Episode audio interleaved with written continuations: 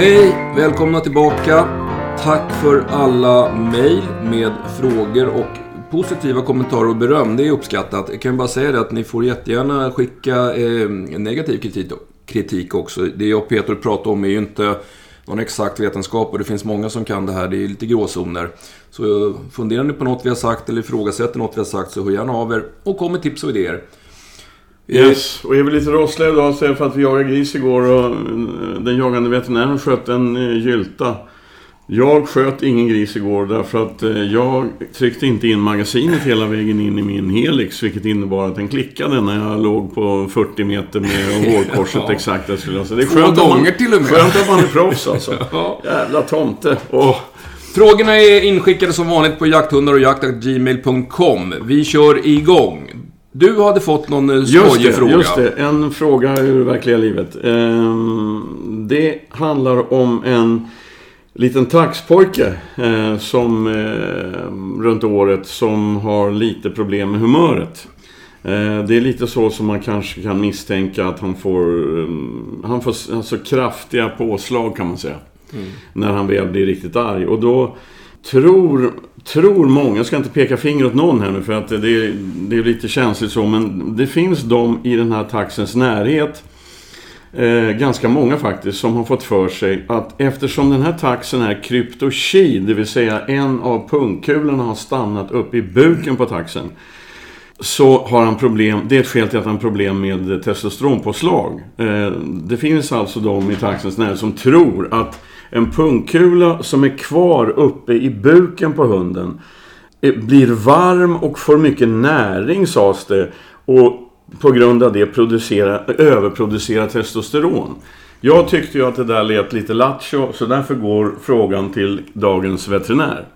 Ja, du ringde ju mig igår och förvarnade om den här frågan och min spontana kommentar var nej, så är det inte. Sen är, är som sagt, det här är lite gråzon. Jag tänkte att det var några år sedan jag läste om det där och jag är definitivt inte någon reproduktionsspecialist. Så att jag, jag ska väl inte, jag får vara lite ödmjuk och läsa på lite. Och, eh, så jag har gått in på någonting som heter PubMed och där finns alla vetenskapligt publicerade artiklar inom både human och veterinärmedicin. Så jag läste på lite för, för att förvissa mig om att mitt nej fortfarande stämmer.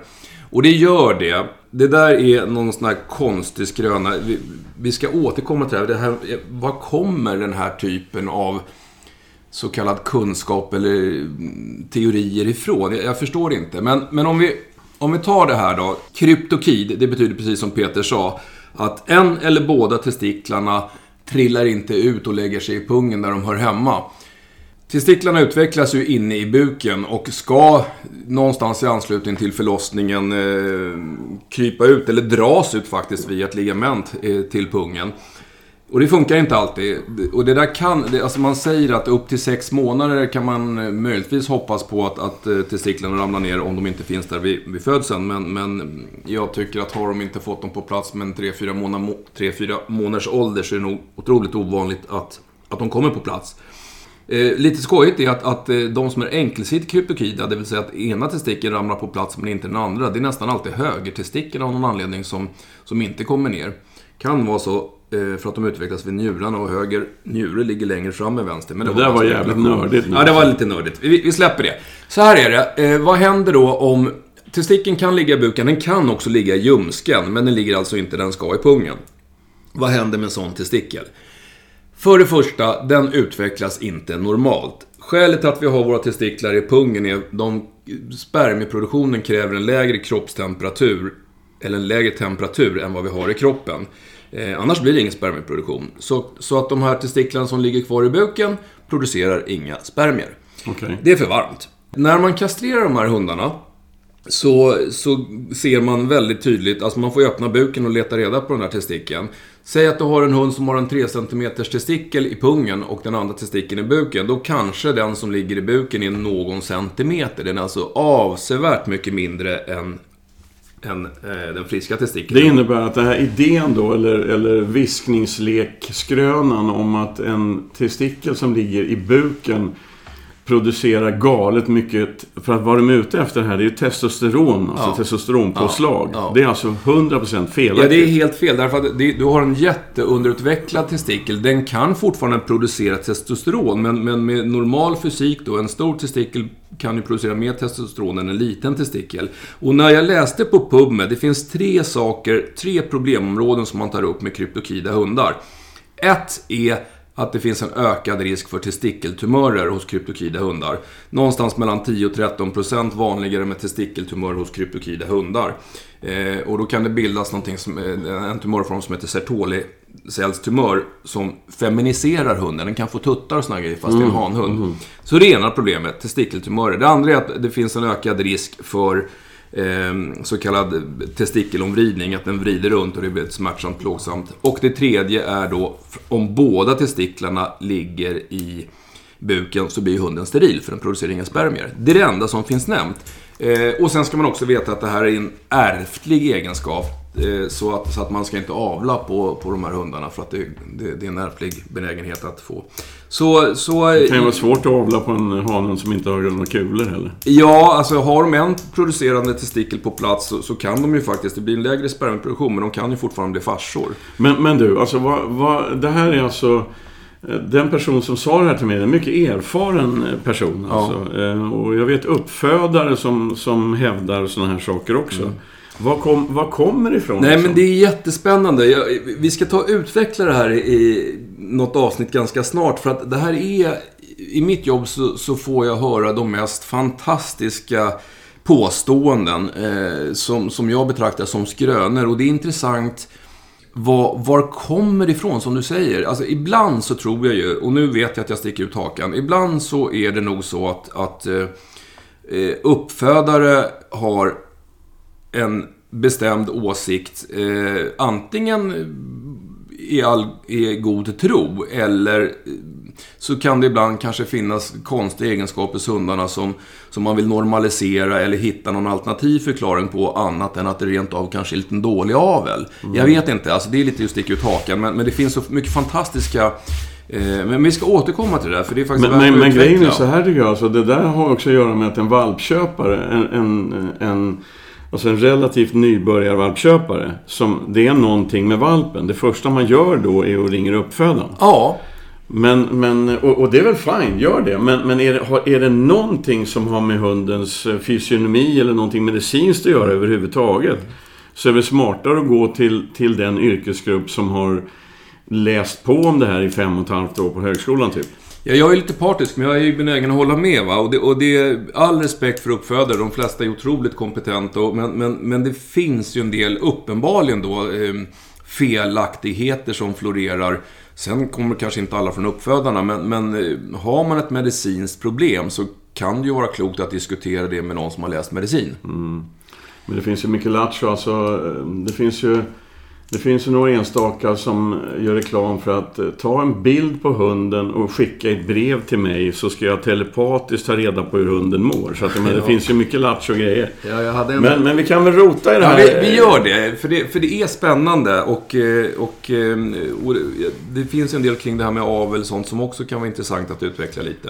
Yes. Men det, vi plockar lite frågor. nu, tar, nu tar vi en enkel fråga då. Det är ju gråhunden va? Var det inte en gråhund? Jo, det var Jenny som hade lite... Hon hade ju ganska många frågor. Hon var med i förra avsnittet också. Och vi lovade återkomma till några till. Eh, hon hade ju en gråhundshane. Och, eh, ja, vi svarade på lite grann om det här med dragselar och, och matbeteende.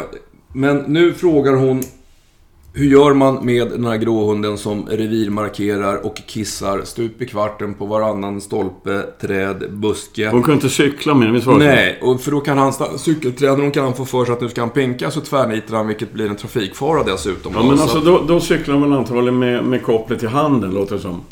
Framgår inte, men det är väl inte otroligt. Men alltså vad hon gör då, eh, det är att hon, hon köper en sån här...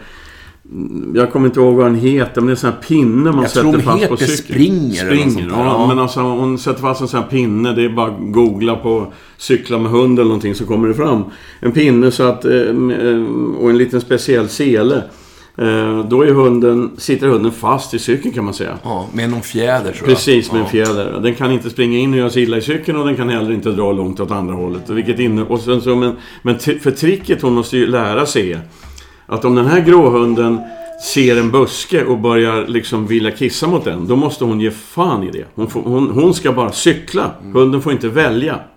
Och för, det är ju samma på promenaden också, eller hur? Ja, precis. Att hon, hon blir avbruten hela tiden för att han ska pinka överallt. Ja, men hon får inte sluta gå. För om gråhunden stannar, hon stannar, då lär sig gråhunden att jag bestämmer takten på promenaden.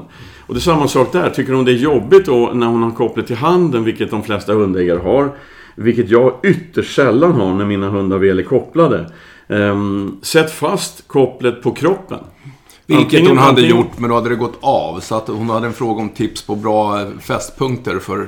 Ja men alltså det finns ju, gå in på swewest.se eller något. Alltså där finns det hundförarkrokar. Hon har ett vanligt bälte och så sätter hon den här läderhylsan med kroken i bältet och så sitter hunden fast. Eller sånt här hundförarbälte med dämpning och sådär. Det är bara eh, googla på... ehm, Jag tror jag har någon sån här, jag tror att det är Baggen eller någonting sånt där som jag Ja, hade när jag sprang med gamla- mina det- hundar. Men det Eh, finns många andra märken också på marknaden självklart. eftersom vi inte är sponsrade av någon. men, men, men alltså, det, det löser Men fram, framförallt, alltså grejen är, har man en hund som oavbrutet vill stanna och kissa eller nosa eller någonting annat och man tröttnar på det. Jag stannar inte då, utan bara gå. Ja. Och det här är lite, du har ju berört det förut, det här är ju någon typ av lydnad liksom. Om matte bestämmer för att vi ska gå, vi ska cykla, då är ju nej, vi ska inte kissa, vi går vidare. Det måste ju liksom vara en tydlighet i, i, Ja, i kommandot eh, på något sätt. Ja, men så är det ju. Ehm, ja, ja, det Bra det. Jenny, vi hoppas det löser sig. Du har några frågor till, men, men vi plock, betar av dem efterhand så att vi sparar ett par stycken till kommande avsnitt. Nu är det du igen, nu är det valpfoder. Ja, och då fick vi en... Eh, vi har flera frågor ifrån en kille som heter Anders. En av frågorna är ganska snabbt att svara på. Han skriver så här. Jag har hört att man ska vara försiktig med valpfoder till valpen. För att den kan växa för fort och då kan även lederna ta stryk. Vad säger ni om detta? Eh, ja, det finns en viss sanning i det här faktiskt. Eh, och, och då pratar vi framförallt om storvuxna raser. Som, som under tillväxten någonstans 5-7 månader växer väldigt fort. De kan drabbas av en del tillväxtstörningar. Eh, den vanligaste är någonting som kallas för panosteit, eller en benhinneinflammation. Det är smärtsamt och det är jobbigt, men det är ingenting som, som påverkar hunden i det långa loppet. Det läker av med lite medicinering. Sen är vi ju inne lite grann på, på tassemarker. Du, du skriver att lederna kan ta stryk. Det är inte riktigt sant eh, det, utan leder som växer fort är egentligen inte något problem för leden så länge lederna växer korrekt. Det är lite flummigt, men, men vi har ju både i fram och bakben, och vi pratar framförallt framben, så har vi, vi och hundarna har två skelettdelar i underbenet och en skelettdel i överbenet.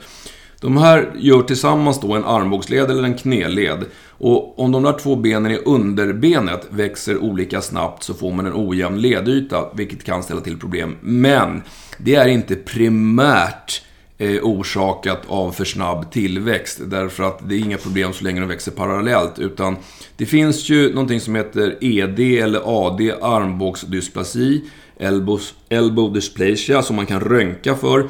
Och det här är ju en genetisk tillväxtrubbning som, som eh, kan drabba vissa raser. Eh, så att svaret på din fråga är, alltså jag har alltid gett valpfoder till mina valpar för de behöver energin för att kunna växa. Får man en problemhund, eller en problem som börjar visa tecken på hälta och så vidare, någonstans 5-7 månader, så kan man kolla upp det hos veterinären och eh, oftast är det sån här panosterit. Och då kan det vara en idé att gå tillbaks på eh, vuxenfoder, eller gå över till vuxenfoder för att, för att eh, tillväxten inte ska ske lika snabbt. Men hur länge håller du på med valpfoder då? Alltså, om jag ska vara ärlig så är det ju lite sådär beroende på, på var mina andra hundar befinner sig i, i åldersklasser. Men, men eh, någonstans, alltså egentligen så ska det vara tills de är hyggligt färdigväxta i kroppen, det vill säga upp mot året. Sen, sen börjar jag väl kanske blanda i lite vuxenfoder tidigare och jag är riktigt lat och hunden ser välväxt ut så kör jag väl vuxenfoder för det är enklare att ge alla hundar samma mat. Men, men alltså jag då som inte ger valpfoder. Ja. Jag ger ju mina hundar eh, samma mat från det att de kommer hem till Ja, mig. men, och, och det, alltså det, vi är tillbaka till det här som jag pratade om förut. Det är ju egentligen inte eh, val, alltså valpfoder innehåller precis samma saker som ett vuxenfoder, men lite mer av allting. Eh, så, och det är de här kolhydraterna, proteiner, fetter, spårämnen och mineraler som ska, som ska liksom främja tillväxt av skelett, nerver, muskler, hela systemet ska växa på valpen. Mm. Och det är inga problem att ge vuxenfoder, men man kanske liksom får ge lite mer eh, till en växande valp. Ja, men det är så, så jag resonerar. Ja, och, och då blir effekten densamma. Så länge mm. inte hunden blir tjock så får den i sig det den behöver. Men det, alltså det är den här balansgången liksom. Titta på hunden och känn. Man ser ju på valpen om den, eh, om den behöver mer eller mindre ja, foder. Ja, men det, det är ju det. Alltså, kan, kan man hundar och haft några stycken så det, det är alltid att titta på hunden som är det viktigaste. Har man en hund som växer bra, fin, glansig päls, pigg och glad och alert och orkar mycket, ah, mm. då funkar det. Mm. Bra! Då hoppar vi över till en fråga till. Eh, och det är en, en fråga som vi också haft uppe lite tidigare. Eh, vid flera tillfällen faktiskt, men vi tar den igen. Det är kul med frågor. Det här är Oskar som har en fem månaders gråhundstik. Som han har spårat med ett par månader och eh, han, han var nöjd i början. Nu har hon börjat ja, blir lite het i spåret. Hon slarvar, hon vindar. Han försöker lägga spåret i medvind, men hon hittar inte tillbaks till spårkärnan. Eh, och han spårar bara med vildsvins och älgklövar. De är korta, ganska korta spåren, 100-150 meter. Eh, och en liggtid runt två timmar. Och han undrar då, hur kan man bromsa ner henne? Ska jag lägga liggtider? Ska jag lägga godis i spår? Eller handlar det om mognad? Och jag vet att du har mycket idéer om det här. Ja, alltså fem, en grån som är fem, om fem månader. Ja. Men ta det lugnt alltså. Ta det lugnt och gör lite annat än att, än att träna, gör regelrätta spårträningar. Gör små grejer liksom. Rulla en tennisboll i en vildsvinsfälla och rulla ut med någon grusvägskant någonstans. Vänta en timme och släpp den här valpen på den. Spåret är 25 meter långt, hon kommer hitta bollen och så lajar ni med den och allting är jättekul. Alltså bejaka nosarbete bara ett tag utan att lägga regelrätta spår. Fem månader alltså, det... Mm, jag strulade också när jag var jämförelsevis den åldern. eh, eh, nej men alltså, men alltså hon är ju inte mogen för det där helt enkelt. Men, men det är klart att man kan lägga spår, men, men gör det som en lek. Alltså bejaka... Tänk prägling i samma veva liksom och, och gör roliga grejer. Um, om det, nu är det ju vår här och jag antar att den här, det är väl en hund som ska jaga vildsvin också det här. Yes. Så att eh, nu börjar skyddsjaktsperioden. Skjut, en, skjut ett vildsvin, skrapa fällen noga, skär fällen i småbitar, typ 2 x 2 cm, äh, centimeter 20 x 20 cm. Frys dem eller häng dem i vevon eller någonting och sen så har du material. Snitthår och på en promenad ut och gå med valpen och, och utan att valpen ser det så langar du iväg en sån här skinnbit i vind bredvid stigen där ni går, någon meter in bara och så vänder du efter ett tag och när du är på väg tillbaka så kommer valpen markera doften som den får med vindburen vittring från den här skinnbiten. Den kommer gå in och hämta den här biten och så lajar ni och har kul tillsammans. Alltså låt valpen jobba med näsan men, men strular med spårträningen och eftersom han ställer frågan så, så vill han ju verkligen spårträna och då skiter det sig. Ja. Strunta då i det med en fem månaders valp. Ja. Eh, och sen när du väl börjar igen då om typ, typ eh, två månader eller något. Eh, lägg jättekorta spår, och är det, men svåra spår. Mm. Alltså det är mycket bättre med, med full koncentration en liten, liten bit än nötande och tjatande på lätt spår som är långt. För då tappar valpen koncentrationen. Alltså unga hundar har svårt att hålla fokus under lång tid. Eh, det har att göra med mognaden. Alltså, och därför utnyttjar man det genom att lägga korta men svåra spår. Och då menar jag på riktigt korta spår. Det kan vara ett skitsvårt spår som är 18 meter långt. Mm. För det kommer hunden att klara av. Men sen ska han få ett tips till också. Och det låter som han är den typen av, av hundförare som när han tränar spår vill han absolut att hunden ska komma fram till spårslutet. Och kanske är det därför att han vill kunna belöna hunden för att den har klarat hela spåret. Så gör inte jag när jag spårtränar en hund. Jag bejakar hunden just när den spårar, inte i spårslutet. För det där är en sån här logisk fråga som jag har ställt mig länge. Varför ska vi gå tysta i spåret och sen ska vi bli jätteglada och överösa hunden med beröm när den har slutat spåra? Det vill säga slutat göra det vi vill att den ska kunna bra. Så jag brukar inte ha en spårslut. Jag lägger ett spår Eh, och som Melita nu då, hon är precis ett år gammal. Då, hon är ju klockren i spåret alltså, men, men, och älskar att spåra. Det är för att jag ända sedan flera månader tillbaks har bara dragit ett spår, ett ganska svårt spår, kanske 150 meter. Och hon jobbar i det här slaget och så har jag bara kastat en korvbit över huvudet på henne som landar i spåret. Mm. Som hon hittar när hon gör det som jag vill att hon ska kunna bra. Mm. Det ökar hennes motivation att få ner nosen i backen. Och jag har jämthundar och därför vill, jag spårar in jämthundar. Jag brukar, jag brukar inte spåra in gråhundar. Därför gråhundar har slagarbetet med sig i paketet. Mm. Det har inte jämtar. Så det är lite, lite beroende på. Han har en gråhund, en ung gråhund. Hon kommer att klara slag. Som vi har sagt många gånger förut, fem månader. Det är fortfarande mycket valp, det är fortfarande mycket lek. Det är svårt med långa koncentrationskrävande eh, aktiviteter. Ställ inte för mycket krav, det här kommer att ge sig. Bra Peter, jag är mera kaffesugen. Vi, vi pausar lite. Music!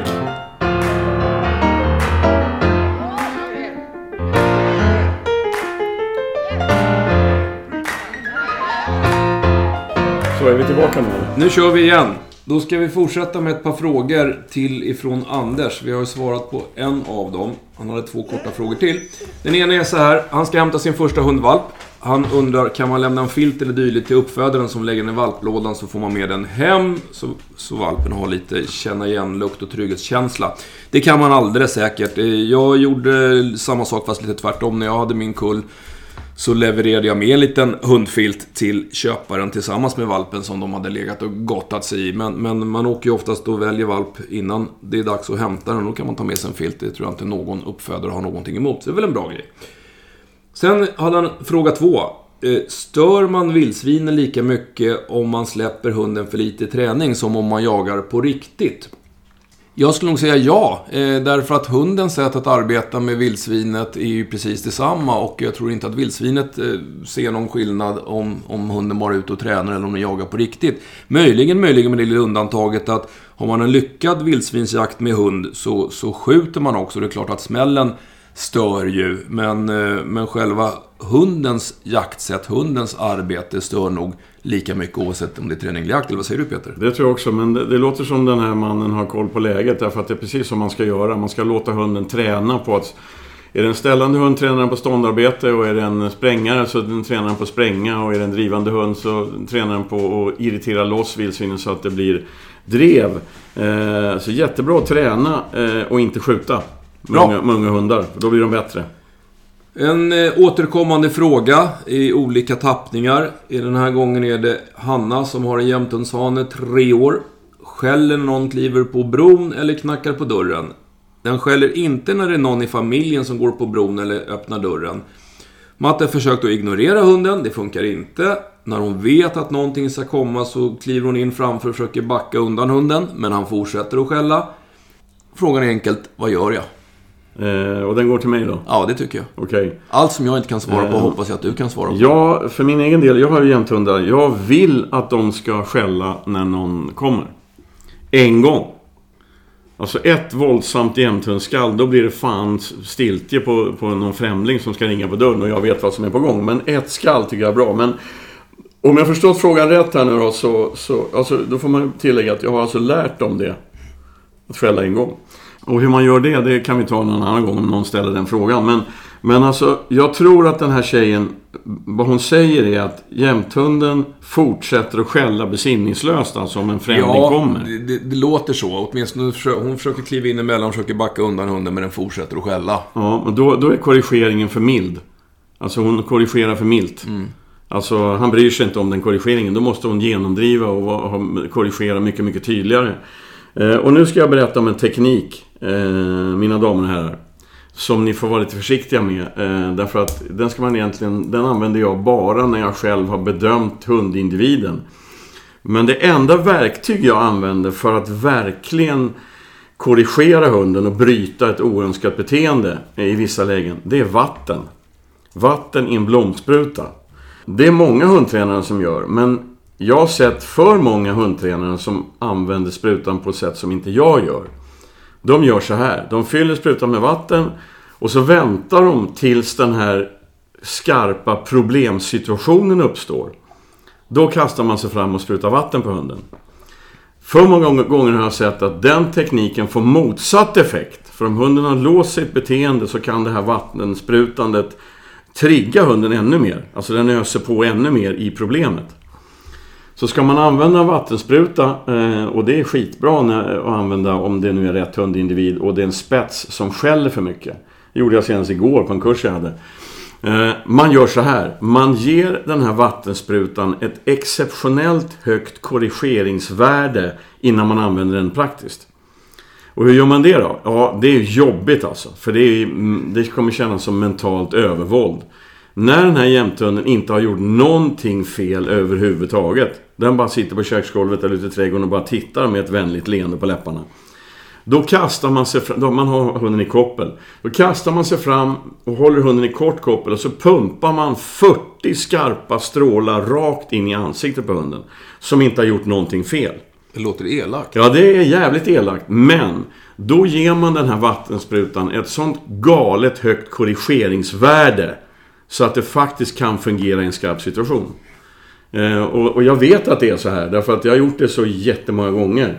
Så vad hon gör är alltså att hon ger den här vattensprutan ett högt korrigeringsvärde först. Och har hon svårt att göra det, vilket nästan alla hundägare har när det gäller den egna hunden, då ber hon någon annan göra det. För det är inte lätt att spruta 40 hårda med skarp stråle rakt in i ansiktet på sin egen hund. Som uppenbarligen med hela kroppen visar att snälla sluta. Alltså, men vatten är ofarligt. Mm. Vatten är helt ofarligt. Så när man har gett, eh, givit den här sprutan det höga korrigeringsvärdet eh, så är man beredd. Man ringer någon som ska komma som inte tillhör familjen och så tittar man på jämthunden och så kommer den här personen upp på bron och jämthunden sätter igång och skälla.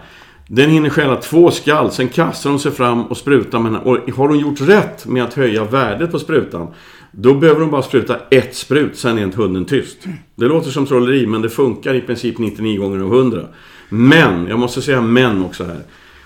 Jag, nu gör vi ett slags radioprogram här. Jag har ingen aning om hur den här jämthunden är som individ. Så att eh, det här tipset är riktat till de som kan läsa sin egen hund. Så att är det här en hund som behöver mer stöd än korrigering, och då får man inte göra det. Ja, just det. Eh, så att, eh, men, men det är ett förbannat bra sätt att bli av med spetsar som bandskäller i onödan. Peter. Och vänta! Det kommer inte påverka jämthundens skall i skogen. Vet du vad Peter? Nej. Jag funderar på att hämta eh, blomsprutan, för vi behöver lite korrigering här. Vadå då? Du knäpper med pennan. Nej men vad fan! ja, men alltså det är du som lägger fram en penna till mig varenda ja, gång. Ja, jag får ta någon annan modell nästa gång. Jag vill ha en blyertspenna för att bli...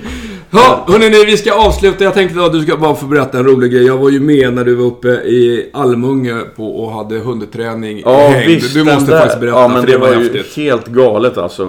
Först kom en karelare, sen kom en jämthund. Sen en tysk jaktterrier och sen en belgisk stövare, en sån här bosnisk stövare. Sen kom en Staffordshire bullterrier. Mm. En liten muskulös sällskapshund alltså. Mm. Skitrolig, glad och sprallig och hoppade och ville pussas och allt möjligt. Och jag sa så här, ska vi in i hängnen med den här maskinen? Ja, jag tänkte prova för att vi har lite vildsvin på marken, sa killen. Och det är lite skojigt. Och, och då kan jag säga så här, fy fan vad den här lilla hunden jagar vildsvin. Mm. Det var helt galet. Det var, och han hade så roligt. Han, han sprang mellan benen på grisarna och skällde. Så att eh, det där med ras alltså. Ras. Vad ska jag ha för ras för att jag ska jaga vildsvin? Alltså, det är inte så jävla lätt att svara på. Nej. Nu vill inte jag att ni springer iväg och googlar direkt på uppfödare av Staffordshire Bullterrier ska jaga vildsvin. Men det säger en del alltså. Ja, jag tror att det handlar mycket om den här killen också. Han var hur cool som helst och tyckte det var skoj. Han var likadan som hunden liksom. Eh, det var lattjo. Bra, bra. Vi nöjer oss där idag och vi återkommer inom kort eh, med ett nytt avsnitt. Tack ska ni ha. Det här är om någon frågar oss. Det blir blyertspenna nästa gång. Det är ett löfte. Hej då! Hej!